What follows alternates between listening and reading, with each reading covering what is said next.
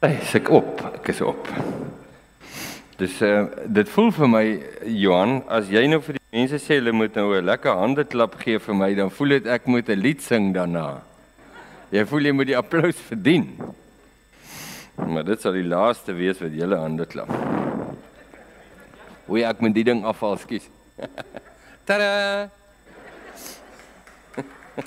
ja. Ja. Ja. Ek wou sê, wat gaan aan met die mikrofoon? Dis dit al die tyd ek. Dis so baie mense in die huwelik ook ontdek, nê? Jy wonder wat gaan aan met jou huweliksmaat, dan ontdek jy later nee, dis jy. wat 'n nigter oomblik.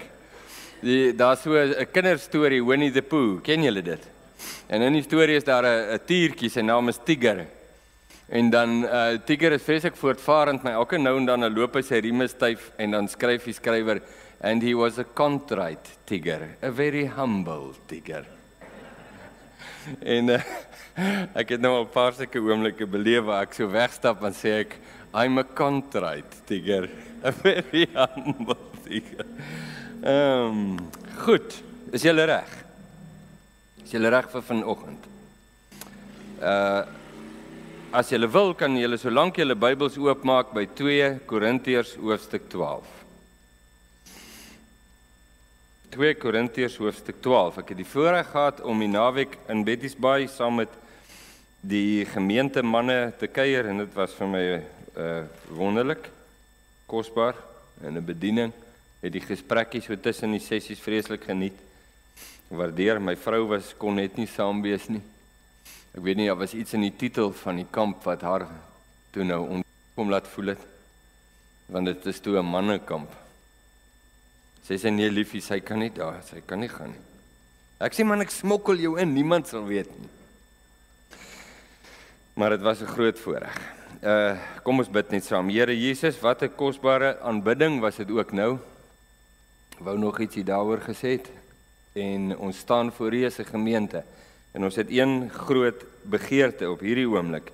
En dit is Here Jesus dat U vir ons die brood sal breek dat ons oë sal oopgaan om Jesus te kan sien. Dis vir ons die groot skat van ons lewens. Mag dit ook nou realiseer in ons midde in Jesus se naam. Amen. Ek wou net sê, daai liedjies wat jy gele gesing het, het ek nie een geken nie. Maar dit was vir my so briljant. Dit was so skrif en wonderlik. Dit het my regtig bedien. Dankie vir die musiekspan. Ehm um, kom ons sê die die boodskap vir nou, ek gaan met die volgende sessie net aan. Ek het spesiale toestemming by Johan gekry. Is dit van julle motorfietsryers? Laat hulle my net kom sien na die tyd asseblief spesiale toestemming by Johan gekry dat ek hoef nou nie dieselfde preek te herhaal vir sessie hierna nie. Ek kan aangaan. Ek is baie bly daaroor. Maar kom ons maak die titel vir vanoggend. Ehm um, ons sê God red die regverdiges uit al hulle krisisse. Is daai? Nee. God red die regverdiges uit al hulle krisisse. Die probleem met die titel is dat daar 'n snag in. En ek wil uh, vanoggend net hê julle moet die snag raak sien. Ons gaan 'n bietjie kyk na die skrif. Ons gaan eindig by 2 Korintiërs 12. En die eerste een wat ek nou vir julle gaan lees, ek gaan dit nou net lees en terwille van tyd hoef julle nie te blaai nie. Neem miskien as jy wil, as jy nota maak, neem notisie van waar dit staan, dan kan jy dit by die huis gaan lees of as jy kyk op die video, dan kan jy mos nou pause en en so aan of weer teruggaan daarna toe wat wat gaaf sal wees. Die eerste skrif hier wat ek wil lees is Paulus se woorde in 2 Timoteus 3 vers 10 tot 11. Hy skryf waarskynlik sy heel laaste brief van sy lewe en sy bediening, 2 Timoteus, skryf aan Timoteus, sy kind in die geloof en ehm um, in alle waarskynlikheid kort hierna as Paulus oorlede, het hulle hom onthoof in Rome. Paulus skryf die volgende woorde. Hy sê maar jy het my navolger geword in leer, lewenswandel, planne, geloof, lankmoedigheid, liefde, lydsaamheid. Vervolginge, lydinge, soos my te beurt geval het in Antiochië en Ikonium en Lystra. Watter vervolginge het ek nie al verdra nie? Uitroepteken. En die Here het my uit almal verlos. Nou, dit is 'n geweldige kosbare skrif en Paulus waarskynlik haal dit aan uit Psalm uit. Die die laaste gedeelte. So ek gaan daardie skrifgie ook vir jou bylees. Dit staan in Psalm 34 vers 19 tot 20 en dit klink so: Die Here is naby die wat gebroken is van hart en hy verlos die wat verslae is van gees. Menigvuldig is die teëspoede van die regverdige, maar uit die almal red die Here hom. Maar hier's 'n vreemde ding in die vers en ek hoop jy dit raak gesien, maar indien jy nie het nie, gaan ek dit gou vir jou uitlig. Paulus sê hy het deur vervolginge gegaan. Maar God het hom uit almal verlos. Daar's 'n probleem daar. Hoe sê jy jy is deur dit? En toe verlos God jou. Kan ek verduidelik? Hy het 3 maal 39 houe met 'n sambok gekry. Nou, wat my en jou betref is verlossing voor die eerste hou val. Nie waar nie? Ja, as die eerste hou val, voor hy val en en hulle stop en hulle sê en daar's 'n intervensie en dan sê jy, "O, oh, dankie, die Here het my verlos." Maar wat van as die eerste hou geval het? Hey! En dan die intervensie. En dan sê hy, "Oh, oef, die Here het my verlos." Oef, maar dit was seer. Maar wat van na die 15de hou? En die 29ste hou. En die bloed loop. En die 39ste hou. En hulle maak jou los want het jou nou klaar geslaan. En jy stap uit en sê, "Sjoe, die Here het my hier uit verlos." En jy gaan, "Wat?" Want dit is baie duidelik. Hy sê vir uh, Timoteus, "Uit hierdie almal het God my verlos." Maar hoe? Wat 'n briljante ding. Kom ek uh, pap 'n bietjie dikker aan en lees verder. 2 Korintiërs 6. 2 Korintiërs 6 klink so. Uh, soos 'n paar skriffies. Ons lê nie die minste hindernis in die weg sodat die bediening nie beklad mag word nie, maar in alles beveel ons ons aan as dienaars van God met baie geduld in verdrukkinge en node en benoudhede, in sla, in gevangenskappe, in oproere, in arbeid, in slapelose nagte, in honger ly, in reinheid, in kennis, lankmoedigheid, vriendelikheid en die Heilige Gees, in ongefeinste liefde, in die woord van die waarheid en die krag van God, deur die wapens van die geregtigheid in die regter en linkerhand, deur eer en oneer, deur slegte en goeie gerig, as verleiers en tog waaragtig, as onbekendes en tog goed bekend, as sterwendes en kyk ons as nog tog nie gedood nie bedroefdes maar altyd opgeruimd as armes maar wat baie ander ryk maak as mense wat niks het nie en alles besit. Is 'n volgende woord. Ek lees 'n laaste een by voordat ons kyk na 2 Korintiërs 12 2 Korintiërs 11 die hoofstuk voor waar ek nou wil stop klink so. Is hulle dienaars van Christus? Skryf Paulus in 'n in 'n bietjie van 'n uh, sprekkie Hy sê ek praat uit uitsinnigheid, ek nog meer in arbeid oorvloediger, in sla bo maat, in gevangenskappe baie meer, in doodsgevare dikwels. 5 maal, ek het gesê 3. 5 maal het ek van die Jode ontvang 40 houe op een na, met ander woorde 39. 3 maal is ek met stokke geslaan. Eenmaal is ek gestenig. 3 maal het ek skibreek gelei. 'n Nag en 'n dag het ek op die diep water deurgebring. Wils op reis, in gevare van riviere, in gevare van rowers, in gevare van my volk, in gevare van die heidene, in gevare in die stad, in die woestyn, op die see, onder valse broers, in arbeid en moeite, in slapelose nagte, dikwels in honger en dors, dikwels sonder ete, in koue en naaktheid. maar uit dit alles het die Here my verlos. En uh, jy gaan haleluja, hè? Huh?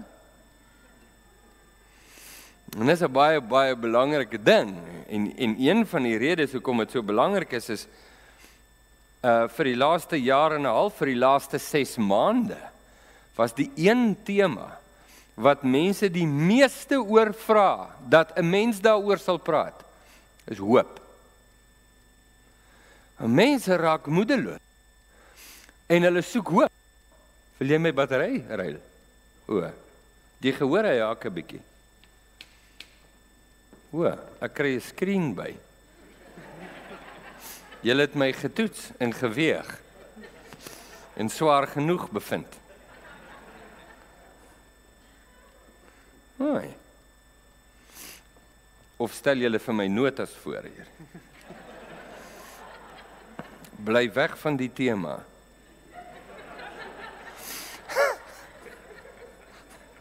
Asseblief nie nog 'n boodskap oor hoop nie. Goed. Mense soek hoop. Hulle wil hoop hê. Want hulle is uh deflated. Maar ek kan verstaan dat die wêreld pap geslaan is. Maar die die ding is onder gelowiges is dit 'n geweldige groot tema. En vir klomp redes. Ek lees Paulus se briewe en ek sien 'n man wat sê dat hy deur God oorwinning gegee word en verlossing gegee word, maar hy praat iets anderste as wat ek hoor. Hoekom sal Paulus sê hy is verlos terwyl hy deur dit gegaan het? Dis 'n belangrike vraag. Ons het nou nou die voorbeeld gebruik van die houe, hy het houe gekry. Hoe kan jy sê Paulus is verlos van die van die uh, uh, vervolging, maar hy het daardeur gegaan? Is dit nie wat ek en jy bid as ons sê Here verlos ons nie, dan bedoel ons Here keer dat ons in die krisis sal ingaan. Here laat ons tog nie die krisis beleef nie. En daar is mense wat ons dan nou sterk bemoedig met skrif en vir ons sê jammer jy weet eh, enige krisis kan nie van die Here af wees nie, dis definitief van die duiwel. Daai mense wat Paulus pak gegee het was definitief nie van die Here nie. Ja, jy's reg, hulle was nie. Maar is baie duidelik dat daar iets anders hier was en dat Paulus beleef het dat God 100% in beheer ook van die krisis was. En dat uit party van daardie krisisse is Paulus waarlik verlos in ons definisie. Hy's gered van die krisis voor hy daarin gegaan het, maar in baie van hulle, net so lank lys wat ek nou net gelees het, sê Paulus, is ek daardeur en daar het ek verlossing beleef. En dis die deel wat ek en jy ons kan nou sê die negatiewe stelling sal wees nie wil hoor nie. Of die positiewe stelling is nie verstaan nie. Waarvan het God Paulus verlos al het hulle hom pak gegee 5 keer 39 houe. Tog sê Paulus ek is verlos. En dis die belangrike evangelie boodskap wat ek wil hê jy moet hoor, want jy kry dalk nou nie uh 39 houe by die Jode nie. Maar jy kry pak van 'n ander aard. Jy het krisisse wat jy belewe van 'n ander aard. En geen krisis is aangenaam nie. Geen krisis het het sagte orgelmusiek in die agtergrond nie. Al die krisisse is jarring. Al die krisisse is 'n unsettling. Almal van hulle krap ons hare de mekaar en is diepgaande ontstellend en vat van ons af weg gevoelens van veiligheid en beskutting. Dis hoekom 'n krisis 'n krisis genoem word. Daar's niks aangenaam in 'n krisis nie. Die enigste brawe woorde wat ek al gehoor het buiten dit wat ek lees in Paulus se skrywe oor 'n krisis is van mense wat nie in die krisis is nie. Mense wat in krisisse belewe is so stiger very contrite. En partykeer even crushed.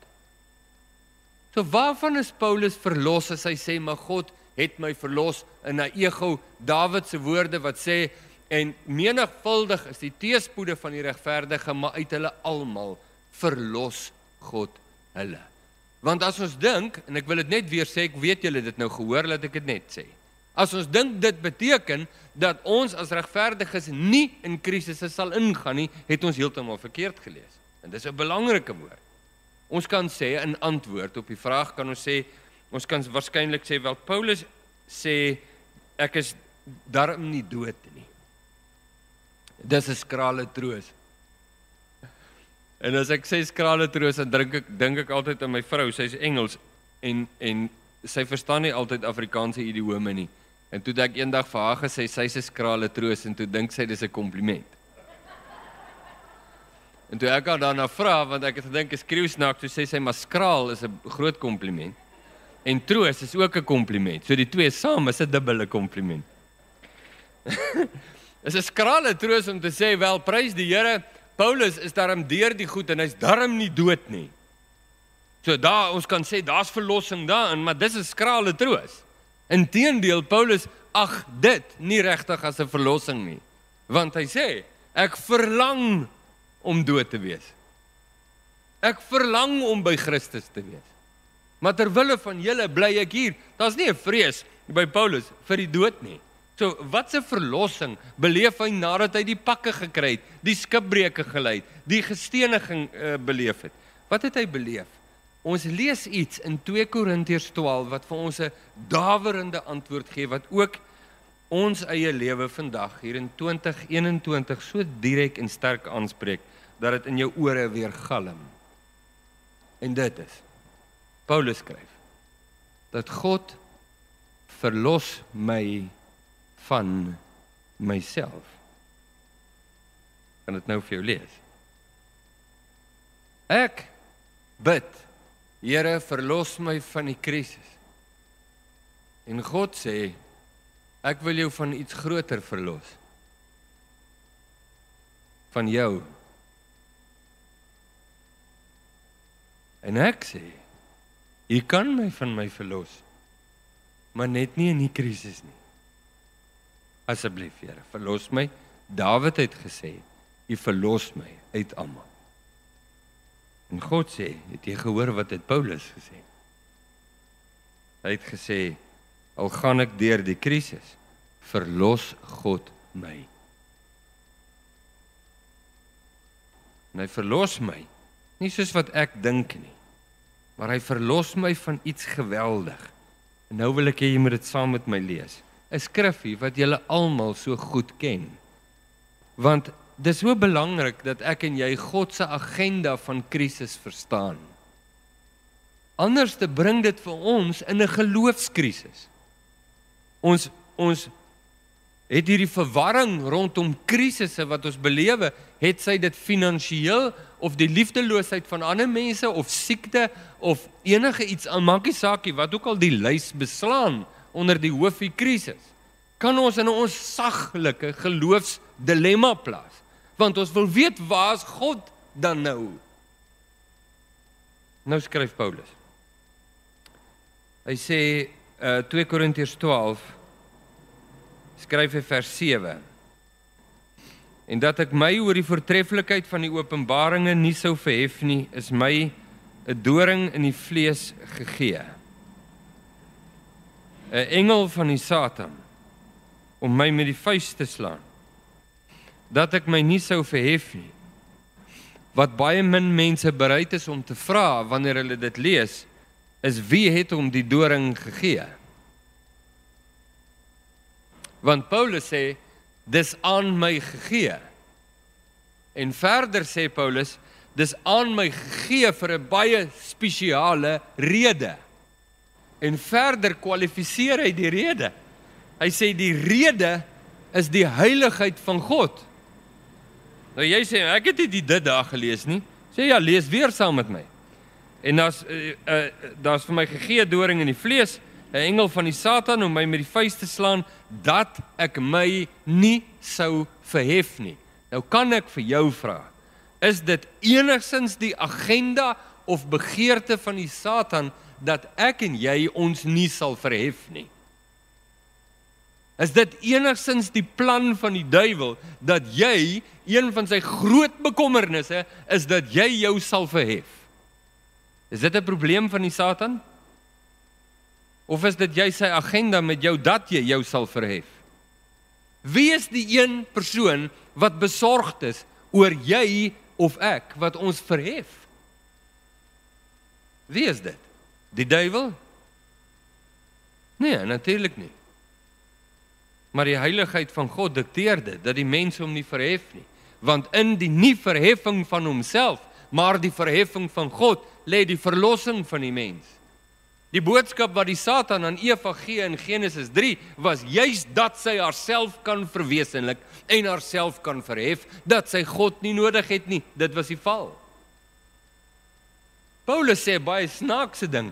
Hy sê dat God gebruik 'n baie ongure boodskapper, 'n baie ongure metode om 'n geweldige stuk seëning in my lewe te bewerkstellig.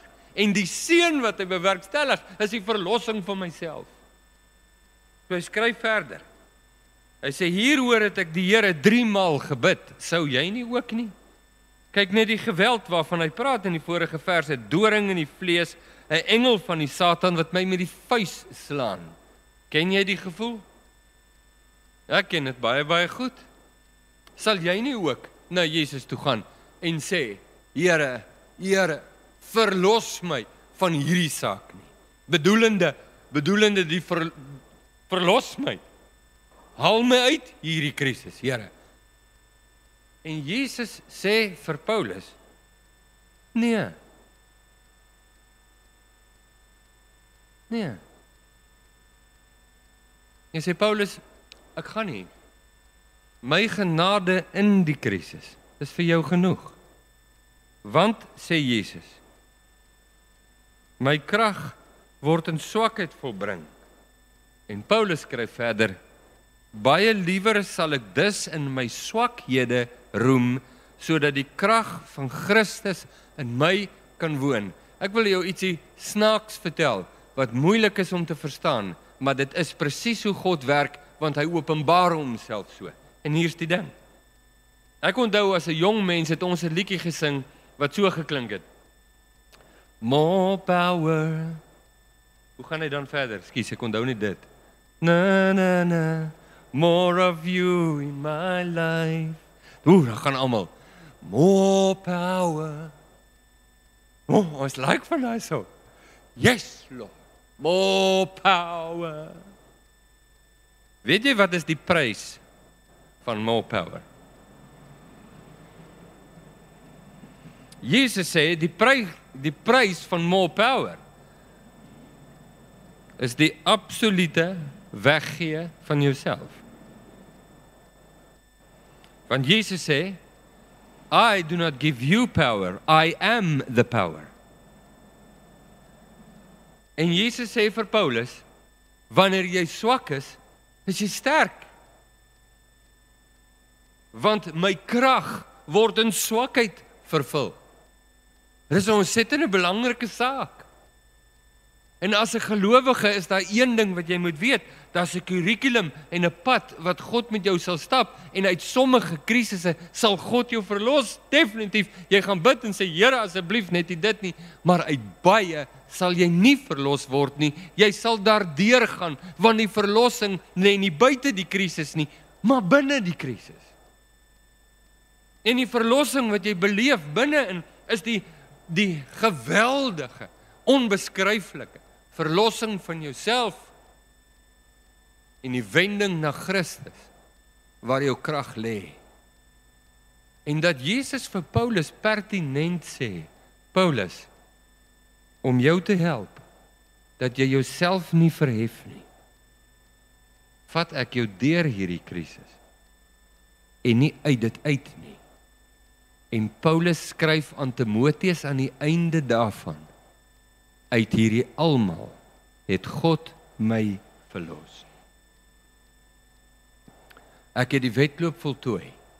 Ek het die geloof behou. Daar is vir my weggelê 'n kroon van die lewe. En in dit alles, skryf hy aan die Romeine, is die liefde van God in die krisis my grootste bediening want skryf hy in Romeine 8 terwyl ons daagliks geslag word soos skape is daar een ding wat uitstaan bo die res? As God vir ons is wie kan teen ons wees? Ons is meer as oorwinnaars. En jy sê jy lyk nie vir my na oorwinnaar terwyl jy op die grond lê en hulle jou keel afsny nie. Wat 'n oorwinnaar is dit? Jy sê wel Nee, wat van daai hoek gesien is dit geen sin se oorwinning nie. Dis 'n massale neerlaag. Maar dis nie al hoek wat beskikbaar is nie. Daar is 'n ander hoek. God sien. Om te sien hoe God sien en wat hy sien. Om te verstaan dat die verlossing van die gelowige lê nie in die verwesenliking van die gelowige nie, maar die neerlê van die gelowige.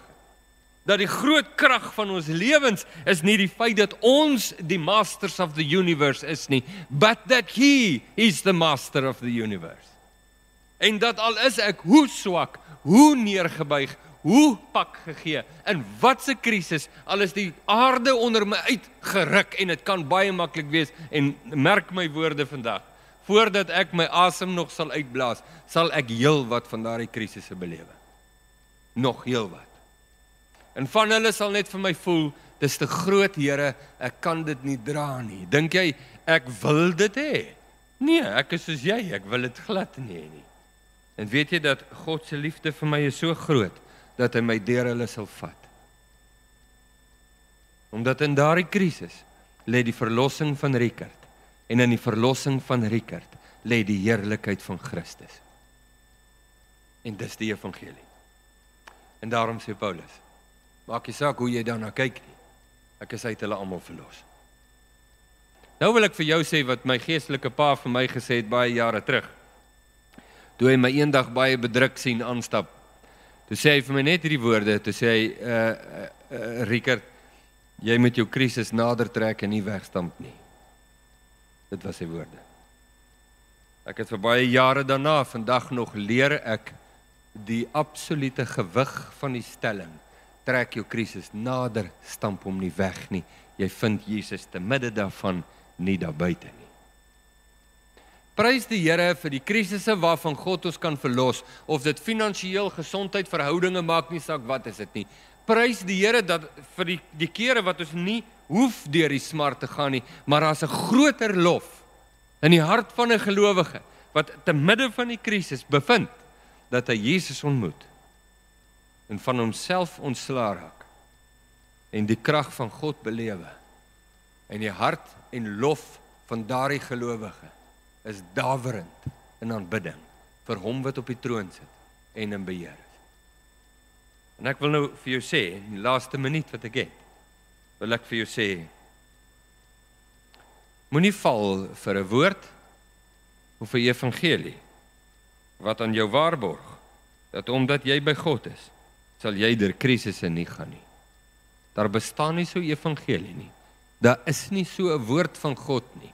Dis nie waar nie en dit sal nooit wees nie dat die ontmoeting met God is vir die meeste van ons in die meeste gevalle in ons lewens juis binne in die krisis. God is nie avers vir krisis nie. God is ook nie avers vir trauma nie. Hy skrik nie daarvoor nie. Maar hy ontmoet ons te midde daarvan. Hier is genoeg getuienisse in hierdie saal, in hierdie gebouetjie vanoggend van mense wat kan sê die krisisse en dinge waardeur jy was en uit party van daardie krisisse was jy vrugteloos omdat jy steeds in die krisis gehardloop het van Jesus af weggehardloop.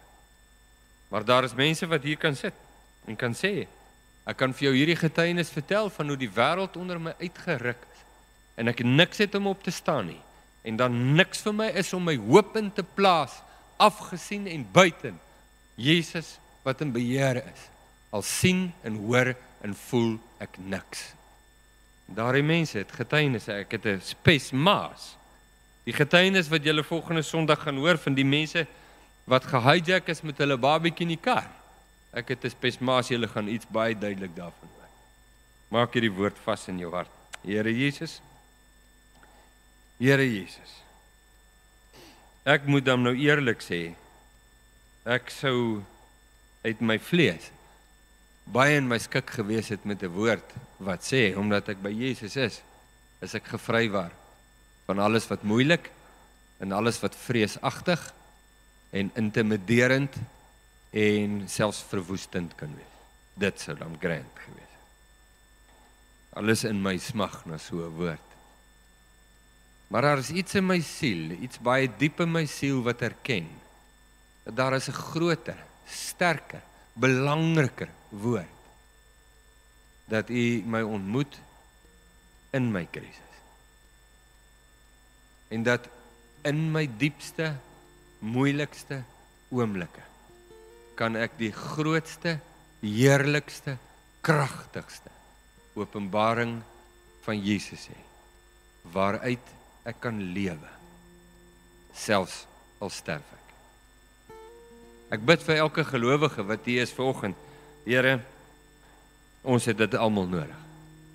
Hier sit mense vanoggend wat in 'n ongelooflike krisis sit. Miskien is dit die verlies van geliefdes. Of jy of soveel ander dinge wat ek kon sê, maar U ken hulle. U ken hulle harte en U ken hulle lewens. Ek bid, Here Jesus, dat U aan hulle U self sal openbaar, nie as deur ver nie, maar reg te midde van in die middel daarvan. Al moet hulle deur die 39 houe 5 keer gaan. Is U steeds daar? En U openbaar U self. En U bring verlossing en heerlikheid. Ag hulle dit verstaan en beleef in Jesus se naam. Amen.